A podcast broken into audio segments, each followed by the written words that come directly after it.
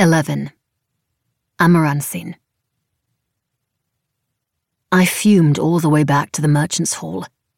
I can't believe the nerve of that woman, I said as soon as the door of our room closed behind us. I tell her what happened and she behaves like it's inconsequential, shoving me off on her minions. Six be damned, I'm only one rank beneath her and she treated me like I was nothing. It seems like Kartasha is where things would normally be handled in the winter, Denna said, trying to soothe me. And why did she have such an attitude about your training? We get warned that young magic users are disappearing all over southern Zamorda, and then the Queen tells you that you have to figure out what to do about your training in the next day, without even doing anything to help. I flung my jacket down on the bed in frustration. Alec will help me, Denna said. I asked him to reach out to some contacts in the city to see about a mentor for me. We can visit him tonight. It figures that Alec would be the only one making himself more useful than tits on a biscuit, I grumbled. And now Lorena wants me to keep an eye on him, which I suppose I'll be able to do since we're stuck here in Kartasha for the foreseeable future. Maybe these weren't the first steps we hoped for, Denna said, but things will work out as they are meant to. She tugged me over to the chaise and down onto it. You are the only good thing I have, I said, drawing her closer. I breathed in, reveling in her warmth and the sweet smell of floral soap lingering on her skin. She kissed me, and I immediately lost myself in the softness of her lips and the comfort of her arms. But as I let my fingers trace over the bare skin above the top of her bodice, she suddenly pulled away. What's wrong? I asked. What if I hurt you again? She asked, barely able to get the words out. You won't, I whispered, my voice gentle. You won't.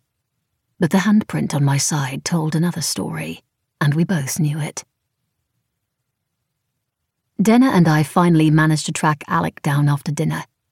As much as I wasn't looking forward to spending more time in his company, Denna had a good reason to see him, and at least Lorena might be pleased that I was doing what she'd asked, as far as finding out more about what he'd been up to.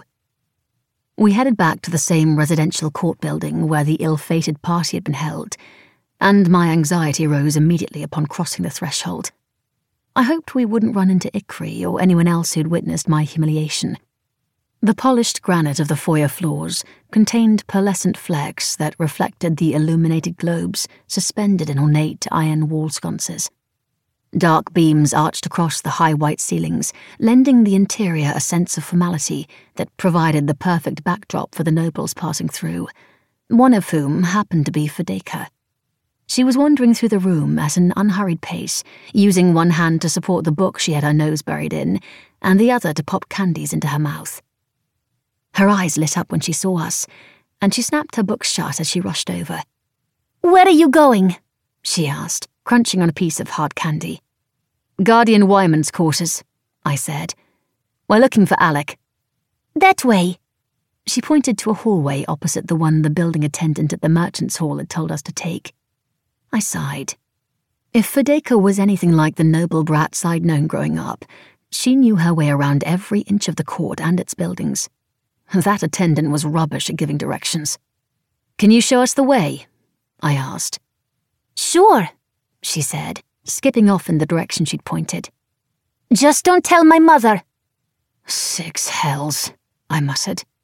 The last thing I needed was more trouble. I'd gotten in enough since arriving in Kartasha. The girl led us up several flights of stairs at a speed that left both Denna and me out of breath. It's down here at the end of the hall. She knocked on the door without pausing to consult us, and a few moments later it swung open. Faye, Alex said, clearly surprised to see her. He was out of his armour for once, wearing a simple shirt and trousers that somehow looked all wrong on him. Brought you something, Fedeka said, and pointed back at us. I braced for a snide remark to fly out of his mouth. Thanks, kid. Have you been practicing your parry? He said. His voice was uncharacteristically kind. It figured he'd be nicer to Fedeka than he ever was to me, but I couldn't really begrudge her that. She was just a child. Yes, sir, she said. What do you two want? he asked, regarding Denna neutrally and me with the usual hostility. I gave Denna a look indicating that she should take the lead. If I started the conversation, it was bound to go poorly. We came by to see if you'd had any luck talking to anyone about an apprenticeship for me, Denna said. Come in, he said, waving us into his chambers. Fedeka took that as an invitation to her too, covertly passing Denna a lemon candy as we settled ourselves in Alec's receiving room. While the rooms were as well kept as any other noble's chambers, they lacked the gaudy opulence so pervasive at the Winter Court. Simple wool rugs in soothing tones of blue and grey covered unpolished stone, and the heavy wooden furniture looked as though it would have been at home back in the keep at Duvet. This morning, Mare was told she'll need to stay here in Kartasha to work with Lorena and Zari. So if there's someone local who could train me, that would be ideal. Denna folded her hands neatly in her lap, looking much too formal for the casual setting. I bumped my knee into hers, subtly startling her off balance. She straightened her skirts, confused by my behaviour. Alec sighed, muttering something I couldn't quite make out that sounded like an insult directed at Lorena. You'll want wine for this conversation. I'll have some too, Fedeka said. Alec gave her a withering look. Your mother would kill me, happily. Fedeka giggled. She lets me have wine sometimes. Then you can have wine with her, Alec said, not me. Fedeka rolled her eyes and ate another candy instead, making a point of crunching on it loudly. Alec shook his head and poured me and Denna each a glass of wine, shortchanging me by a noticeable amount. If wine has to go with this news, it can't be good, I said. It's been difficult to get any answers. He spoke to Denna, ignoring me. There's a respected teacher who runs a school in the south of town who initially said she'd be happy to evaluate you, but I received a message just a short while ago saying she's full for the winter. She can't be the only option, though, right? I asked. Denna sat perched on the edge of the couch, her shoulders tense. What did the others say? The other three said no when I told them your name, Alec said. They already knew who you were. That doesn't make any sense. I didn't understand. How could anyone have heard of Denna when she was disguised as Leah the maidservant? Are you sure you've asked everyone who was an option? Alec looked at me like I was a smear of manure on his shoe. I've only had one afternoon, and I don't have as many connections here as I used to. We completely understand, Denna said. I so very much appreciate you asking them. I've also asked around at the Sal, but most of the warriors training there have weaker gifts and were trained at home, Alec said. A lot of people choose to master either the sword or magic, not both. I want to do both too, Fedeka declared. Well, you're on the right track, spending every afternoon in the cell. Alec took a sip of his wine. Build the muscle memory now, and it will still be there even if you have to devote several years to a magic apprenticeship. I couldn't decide whether the patience and encouragement he had for Fedeka were charming or annoying. At least that confirmed where Alec was spending his time. I recalled him telling the Sonnenborns he planned to spend his afternoons in the cell, and apparently he'd followed through on that. Perhaps I could catch all three of them there, if I could find some excuse to be there without seeming suspicious. It's more interesting with you there, Fedeka said. You'll let me spar with people other than Kerik. A fighter needs to know how to battle more than one opponent, Alec said. Why take up the sword at all if you have magic on your side? I asked. I understood why Wyman had done it, given that his affinity wasn't very strong.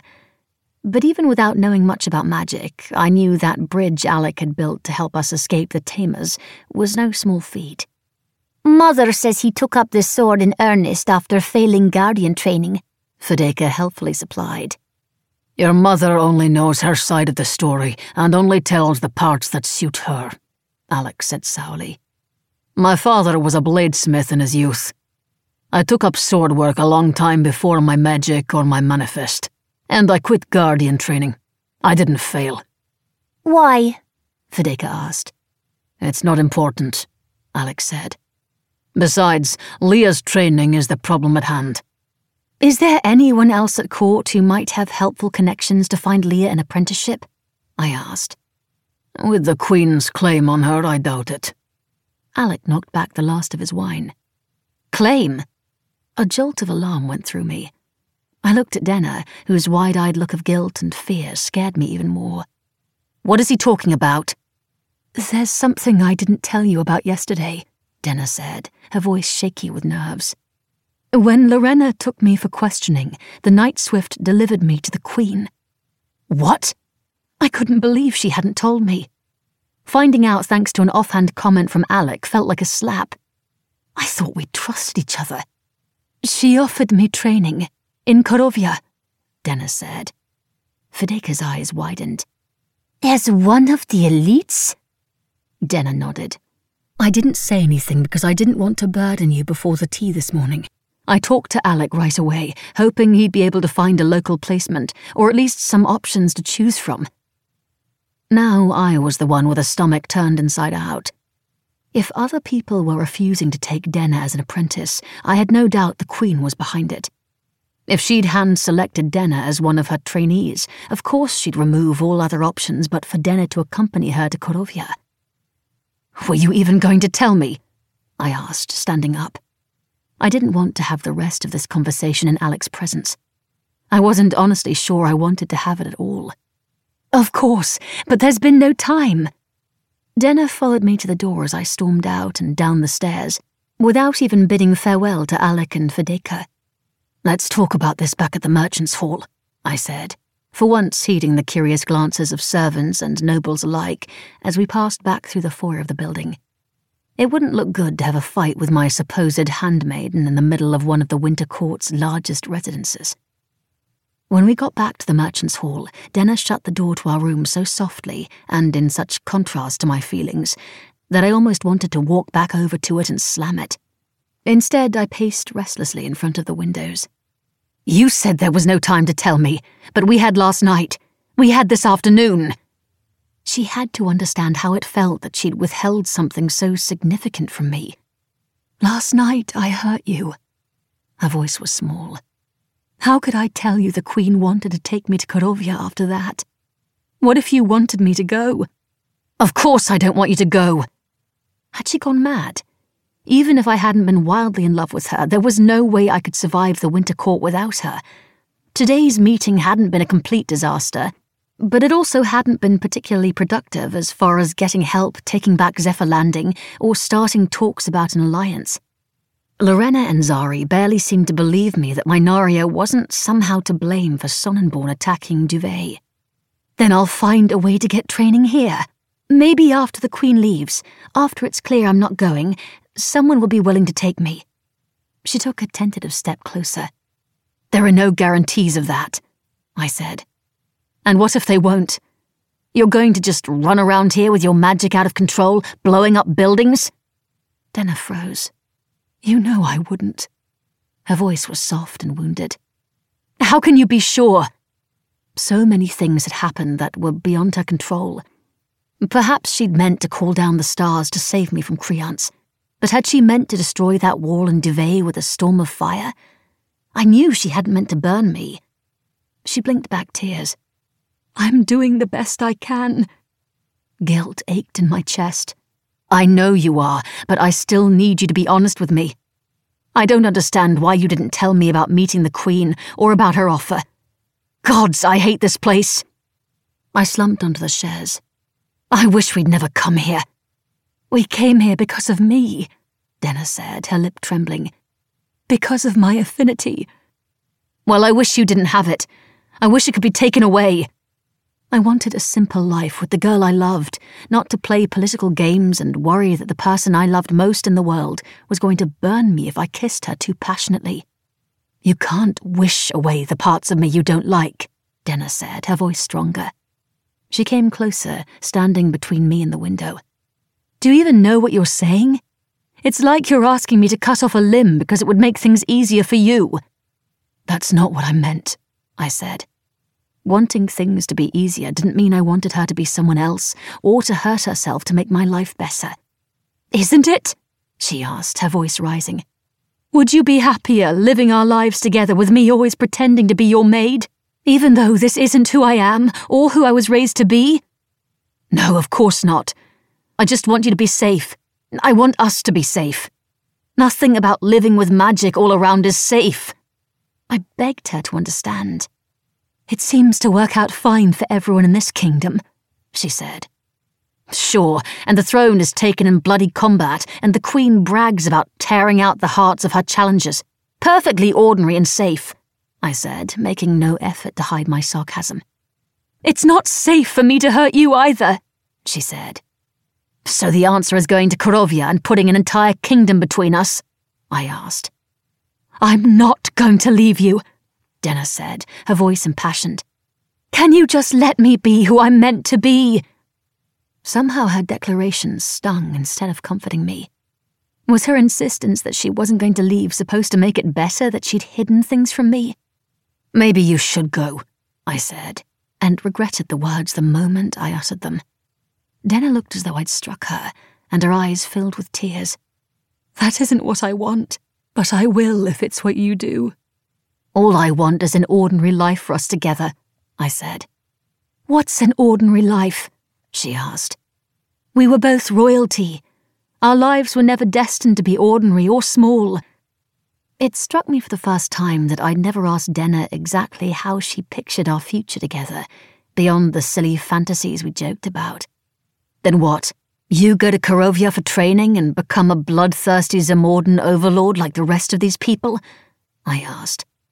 Or I could work hard in training and earn my choice of apprenticeships, and ask to be placed back here with Zari, so I'm close to you.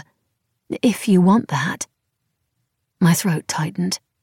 As upset as I was, the thought of losing her was unbearable.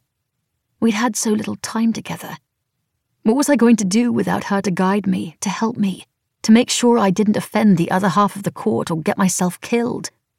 I'd barely even begun to explore the Winter Court, and I couldn't imagine navigating it without her by my side. I finally risked a look at her face. The fear in her eyes crushed me, but I didn't know whether she was more afraid to stay here or to go to Korovia. You have to do what's right for you, I finally said. What I want doesn't matter. It never has. My whole life, my family had always tried to bend me into a different shape than the one I'd chosen for myself. I couldn't do that to Denna, even if it broke my heart.